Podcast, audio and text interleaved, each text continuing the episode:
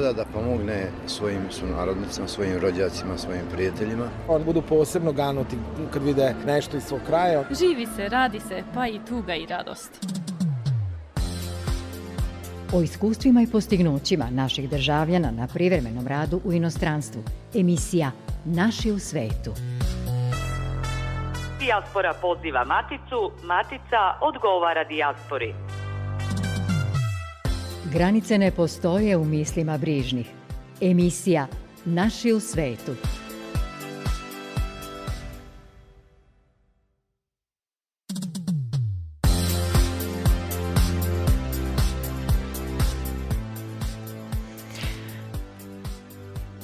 Dragi prijatelji iz Srbije, regiona i sveta, dobroveče i dobrodošli u emisiju koja gradi mostove i briše granice. Ja sam Milijana Kočić, a u ovom izdanju govorimo o značaju očuvanja narodne igre i koreografije. To je tema koja je okupila brojne stručnjake u jednoj zemlji u regionu. Razgovaramo sa našim uspešnim sportistom koji živi u Severnoj Makedoniji.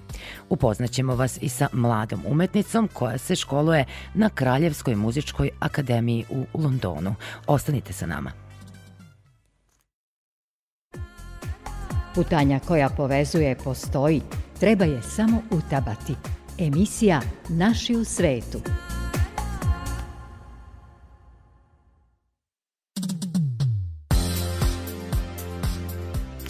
Na početku emisije evo događaje koji su kod nas u regionu i dijaspori obeležili proteklu sedmicu, ali i najava onih koje možete posetiti. Ambasadorka Republike Srbije u Londonu Aleksandra Joksimović primila je nagradu Vitez časti za izuzetnost u diplomatiji na 17. Azijskom evropskom forumu 2022. Obraćajući se organizatorima i učesnicima foruma, Joksimović je podvukla da je nagrada za nju velika čast i posticaj da nastavi u svom angažovanju i diplomatskim naporima da približi dve zemlje, Srbiju i Ujedinjeno kraljevstvo. Episkopa Austrijsko-Švajcarskog Andreja posetila je delegacija Gradskog veća Austrijske predstavnice predvođena čelnikom Karlom Marerom. Kako je navedeno u saopštenju eparhije, Marer je pokazao veliko interesovanje za rad Srpske crkve, a u konstruktivnom razgovoru bilo je diskusije o ulozi Srpske crkve u toj zajednici, o važnim temama iz javnog i političkog života, kao i o uslovima rada Srpske crkve u Austriji i međuverskom dijalogu. U okviru trodnevne manifestacije u susret prijateljima iz rasejanja u Banja Luci je održan poslovni forum nazvan Povezivanje privrednika u rasejanju i matici, prilike i izazovi. Više od stotinu učesnika diskutovalo je o tome šta je neophodno učiniti kako bi što više privrednika iz dijaspore ulagalo u Srbiju i Republiku Srpsku. Forum su organizovali Udruženje Koreni Banja Luka, Banja Lučka privredna komora i Udruženje srpskih privrednika Švajcarske, a pod pokroviteljstvom predsednice Republike Srpske Hrvatske Željke Cvijanović. U okviru obeležavanja godine Srbije u Maroku ovog leta će u više marokanskih gradova biti postavljene izložbe dva lica srpskog ćilima i putevima rimskih imperatora. Tim povodom ambasador Srbije u Maroku Ivan Bauer i predsednik Nacionalne fondacije Muzeja Kraljevine Maroko Mehdi Kodbi potpisali su protokol o razumevanju i saradnji. Izložba etnografskog muzeja biće postavljena od 10. juna do 31. avgusta u muzeju Ćilima u Marakešu, dok će izložba Arheološkog instituta Statuta Sanu putevima rimskih imperatora biti održana sukcesivno u tri grada, Rabatu, Tanžeru i Meknesu, od jeseni do narednog proleća, saopštilo je Ministarstvo spoljnih poslova Republike Srbije. Audio izložba pod nazivom Jasenovac, logor smrti, zemlja živih, koja je 7. aprila postavljena u Kulturnom centru Srbije u Parizu, može se pogledati još sutra. Izložba sadrži osam zvučnih zapisa i radiofonskih priča o žrtvama tog logora, a postavka je interaktivna i posetiocima pruža mogućnost da kroz niz dramskih aktivnosti postanu učesnici i ko kreatori priča.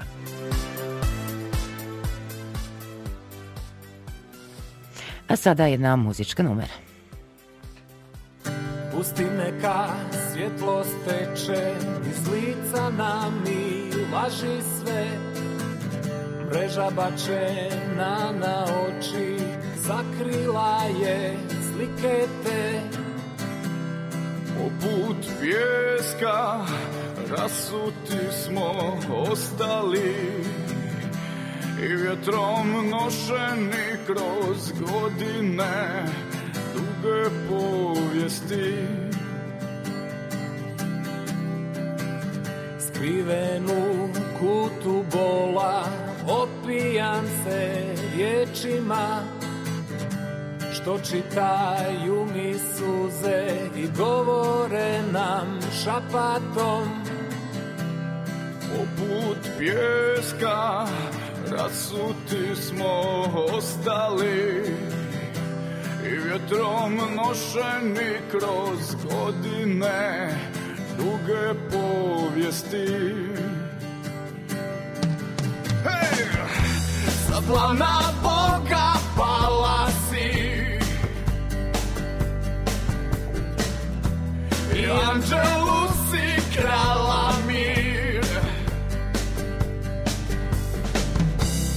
kao kiša rasula kapi sve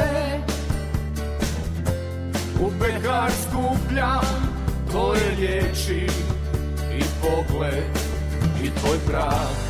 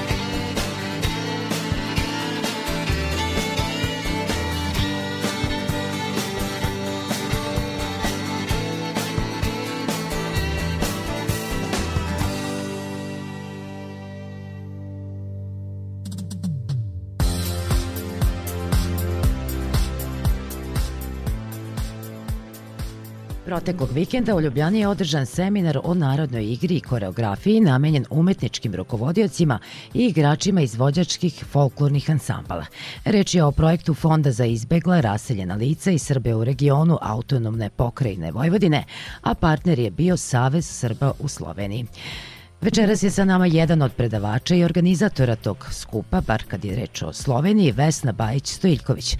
Dobroveče Vesna, pozdrav za Sloveniju, divni kopar iz kojeg se javljate i hvala vam što ćete, eh, nadam se, podeliti lepe utiske sa slušalcima Radio Novog Sada. Dobro veče, eh, hvala vam lepo na pozivu i pozdrav svim vašim slušacima. Bili ste u prilici da budete ispred Saveza Srba u Sloveniji i domaćin i predavač. E, jeste li zadovoljni najpre kako je realizovan skup?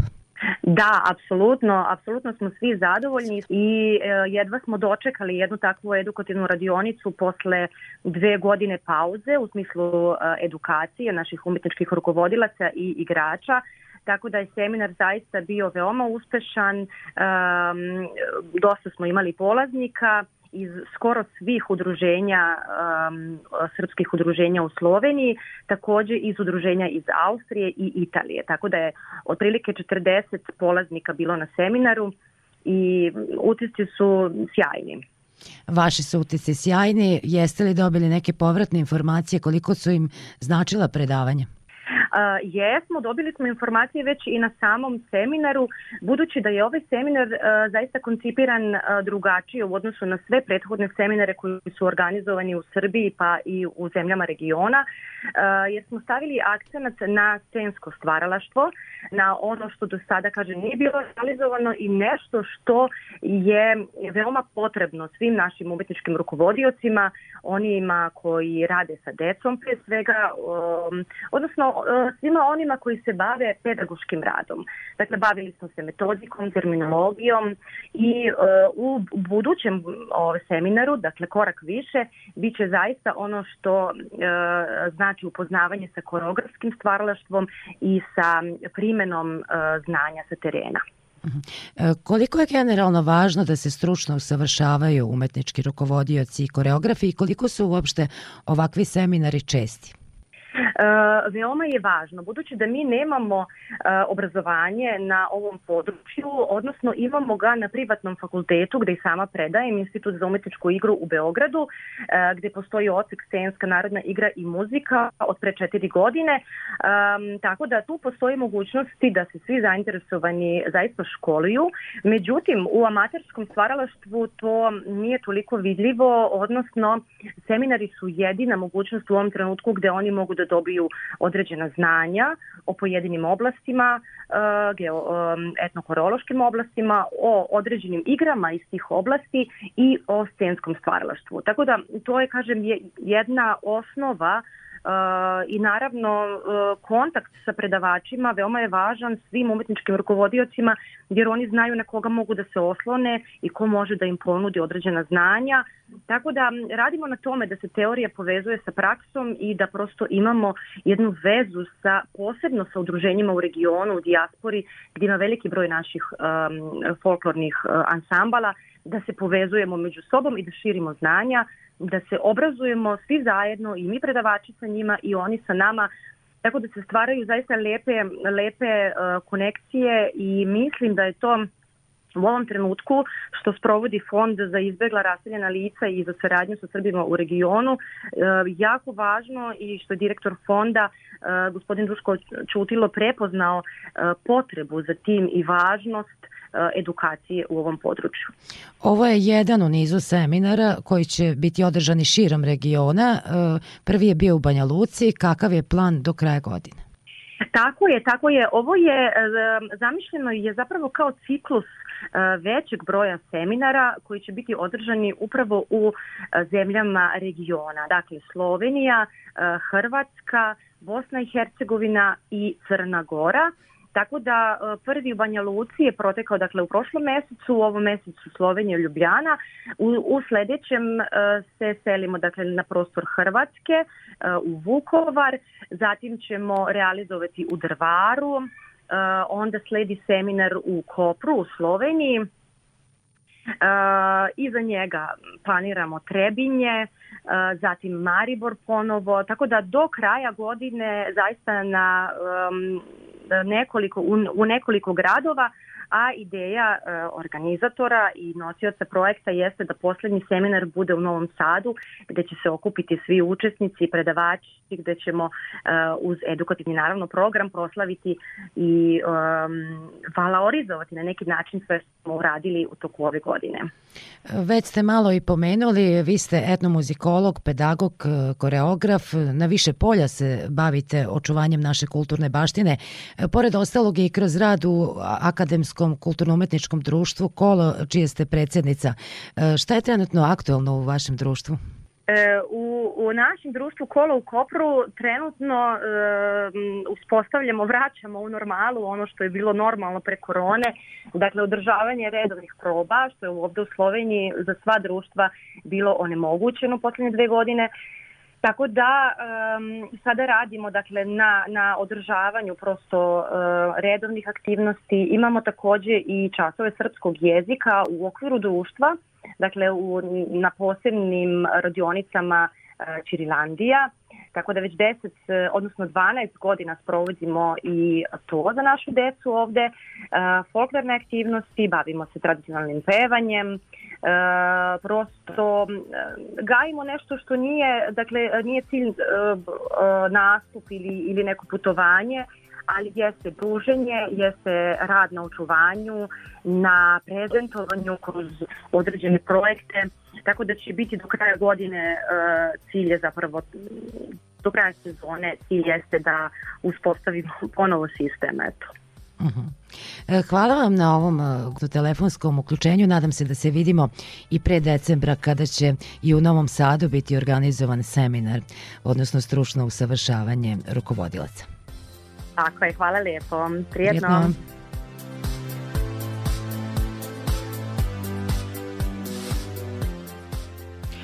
A mi nastavljamo o muzičkim temama. Iako je u svetu razvijena praksa istorijski zasnovanog izvođenja, u našoj zemlji tek je u povoju. Zahvaljujući Beogradskoj baroknoj akademiji, mnogi mladi umetnici zainteresovali su se za muziku renesanse i baroka, a među njima je i Ana Torbica, barokna violistkinja i sopran, koju je 2020. Udruženje muzičkih umetnika proglasilo za najbolju mladu umetnicu u Srbiji. Pošto muzičke akademije u našoj zemlji još ne nude oceke za ranu muziku, Ana je nakon završenog fakulteta muzičke umetnosti u Nišu nastavila usavršavanje na prestižnoj Kraljevskoj muzičkoj akademiji u Londonu. O specifičnostima rane muzike, o instrumentu na kojem svira, o nastupima i ljubavi prema pedagogiji, Ana je govorila za Radio Novi Sad. Zabeležila Jelena Glušica. Ana Torbica je svoje muzičko obrazovanje počela svirajući na violini i pevajući u dečjem horu televizije Srbije. Nakon završenih osnovnih studija na Fakultetu muzičke umetnosti u Nišu, gde je učila solo pevanje, odlučila je da školovanje nastavi na prestižnoj Kraljevskoj muzičkoj akademiji u Londonu. Tamo je usavršila istorijsku interpretaciju na baroknoj violi i pevanje.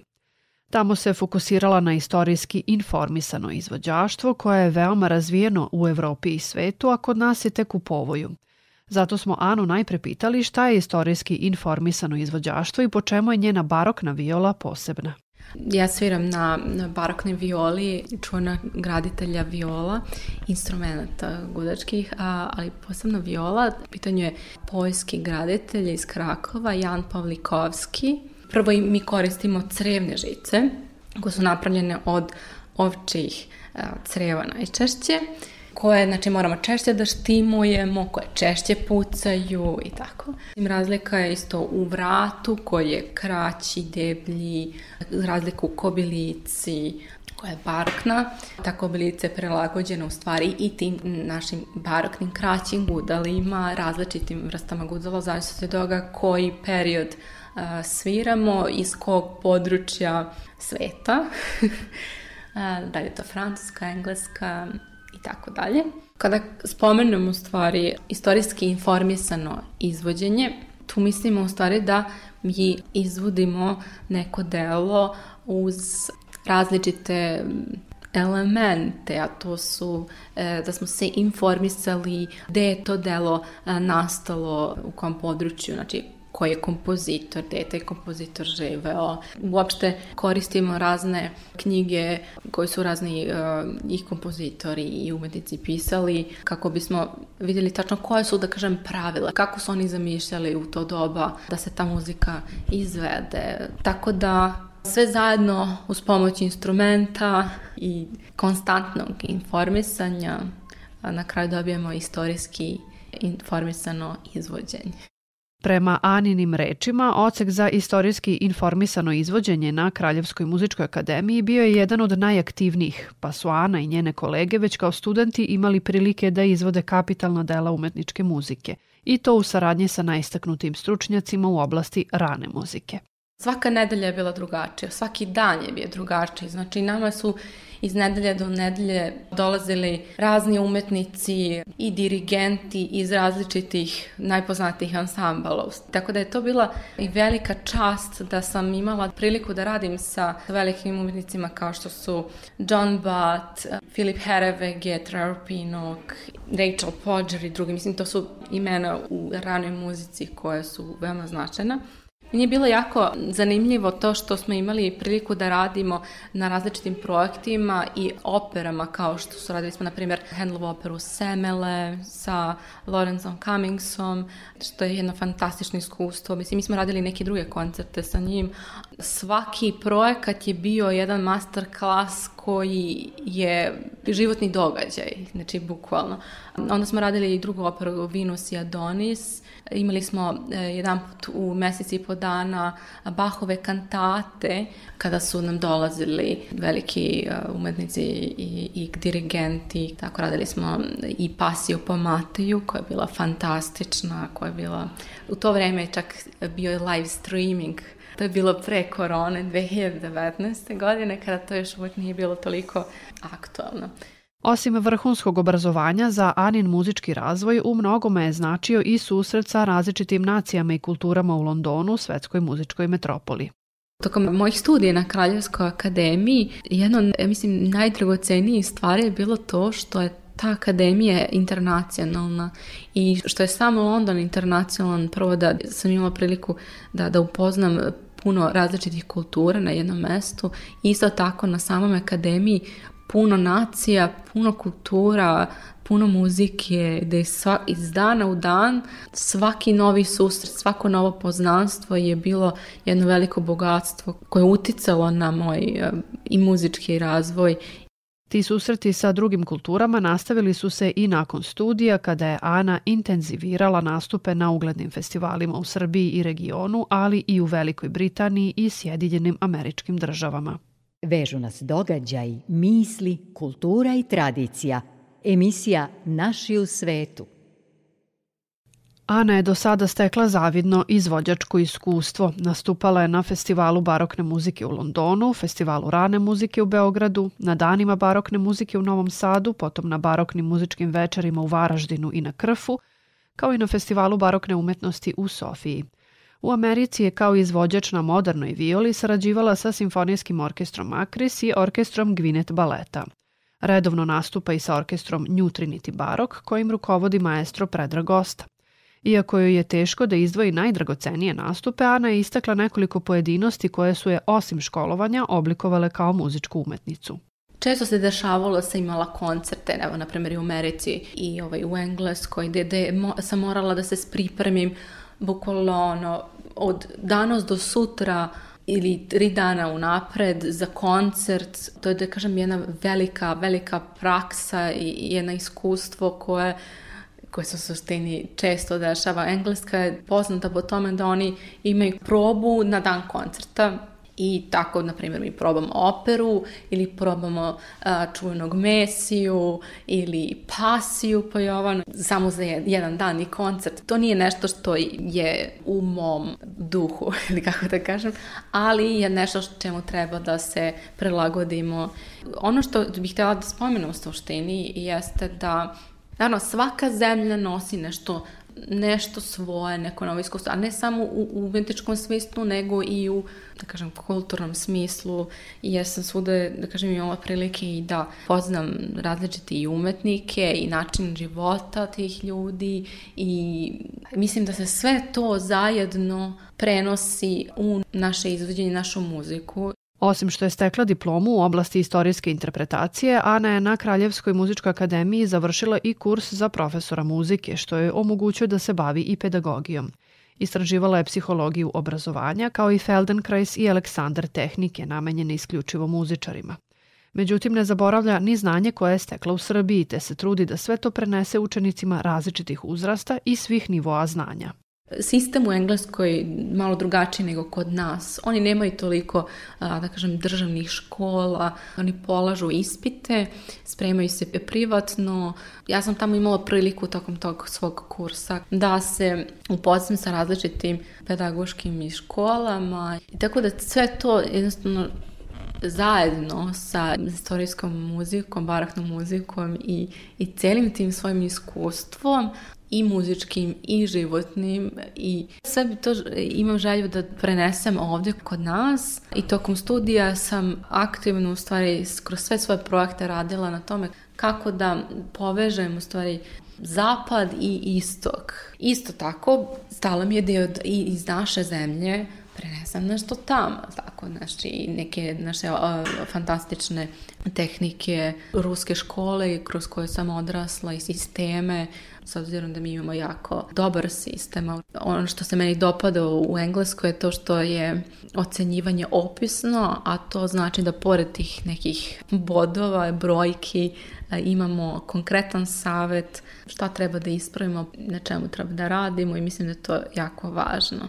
Sa Anom smo inače razgovarali u osnovnoj muzičkoj školi Vladimir Đorđević koju je i sama pohađala i to nakon njenog učešća kao članice žirije na trećem međunarodnom takmičenju kamerne muzike Olivera Đorđević. Bilo joj je, kaže, čast da kao mlada umetnica dobije priliku da stekne i to iskustvo. A naročito joj je bilo drago što je nakon žiriranja zajedno sa svojim kolegama priredila majstorski kurs iz rane muzike – Želja joj je, naglašava, da se i u Srbiji sve više mladih zainteresuje za izvođenje renesansne i barokne muzike. Taj master klas nije bio tipičan master klas, nego smo imali priliku da zajedno sa mojim kolegama predagosa, znači na čembalu i orguljama, Melo Tome na traverzu i blok flauti, Srđan Stanić na viola da gambi i baroknom violončelu i a, zajedno sa Darkom Karajićem na lauti.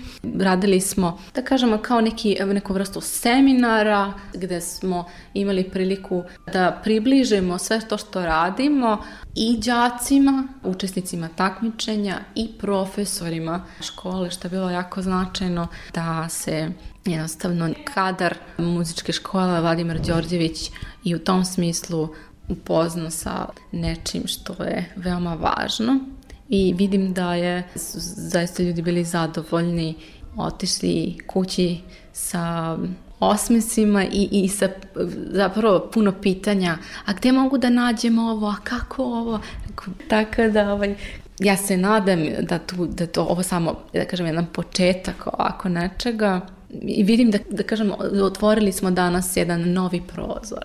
Nakon našeg razgovora Ana je otputovala za London gde su je čekali novi angažmani, a u Beogradu je možemo očekivati na novom izdanju Festivala rane muzike koji često svoje odjeke u vidu koncerata ima i u Novom Sadu.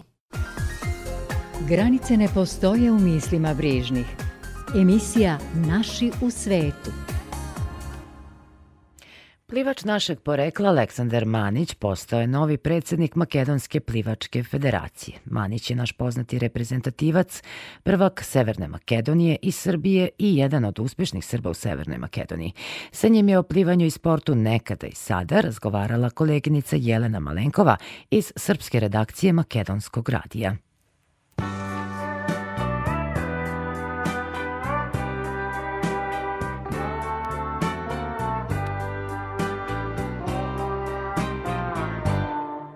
U narednim minutima predstavlja se novo izabrani predsednik Plivačke federacije Makedonije, Aleksandar Manić. Više u narednim minutima.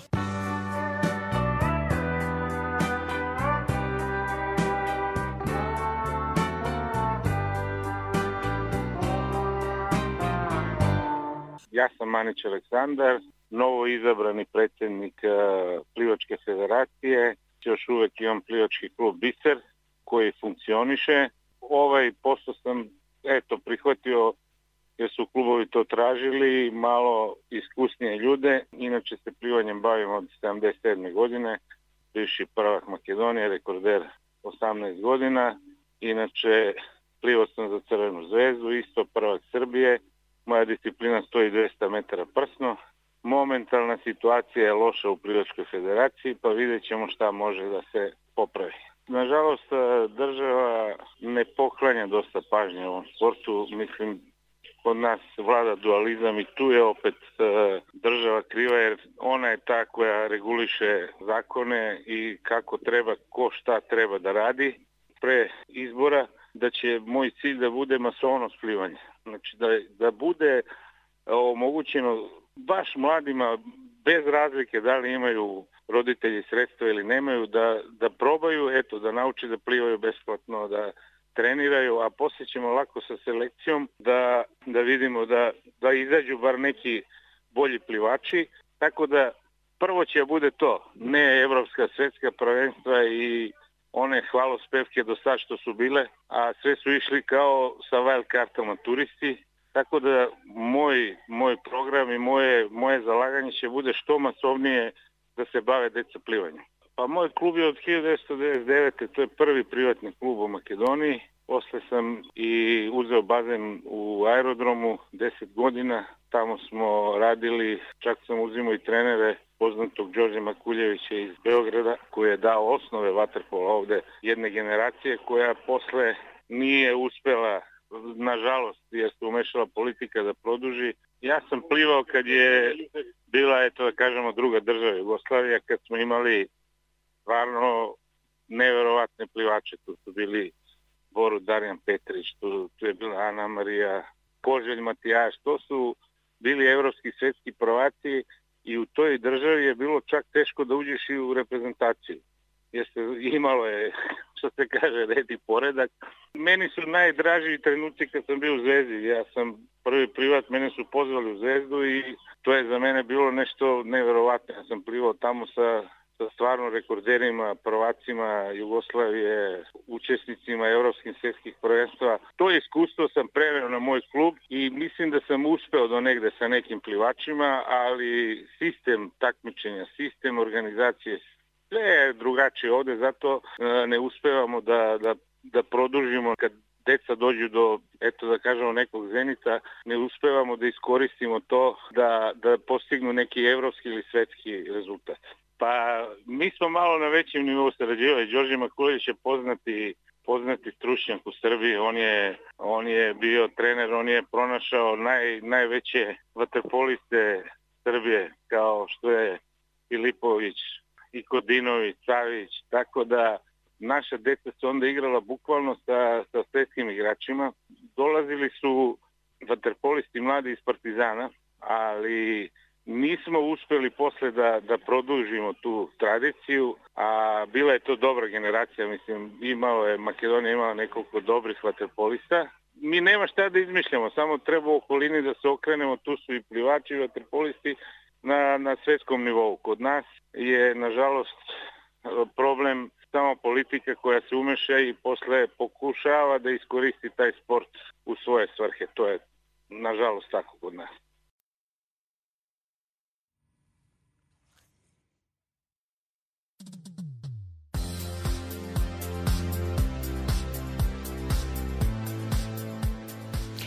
Poštovani slušalci, bilo je to sve što smo vam pripremili za ovo druženje sa našima u svetu. Podsećamo ovu emisiju možete slušati i odloženo na internet adresi media.rtv.rs kroz nasi u svetu. Priče za vas pripremili Jelena Glušice i Jelena Malenkova, za tonskim pultom bio je Raško Aljić, a pred mikrofonom Milijana Kočić. Do narednog susreta u isto vreme želimo vam prijatno veče i prijatnu sedmicu.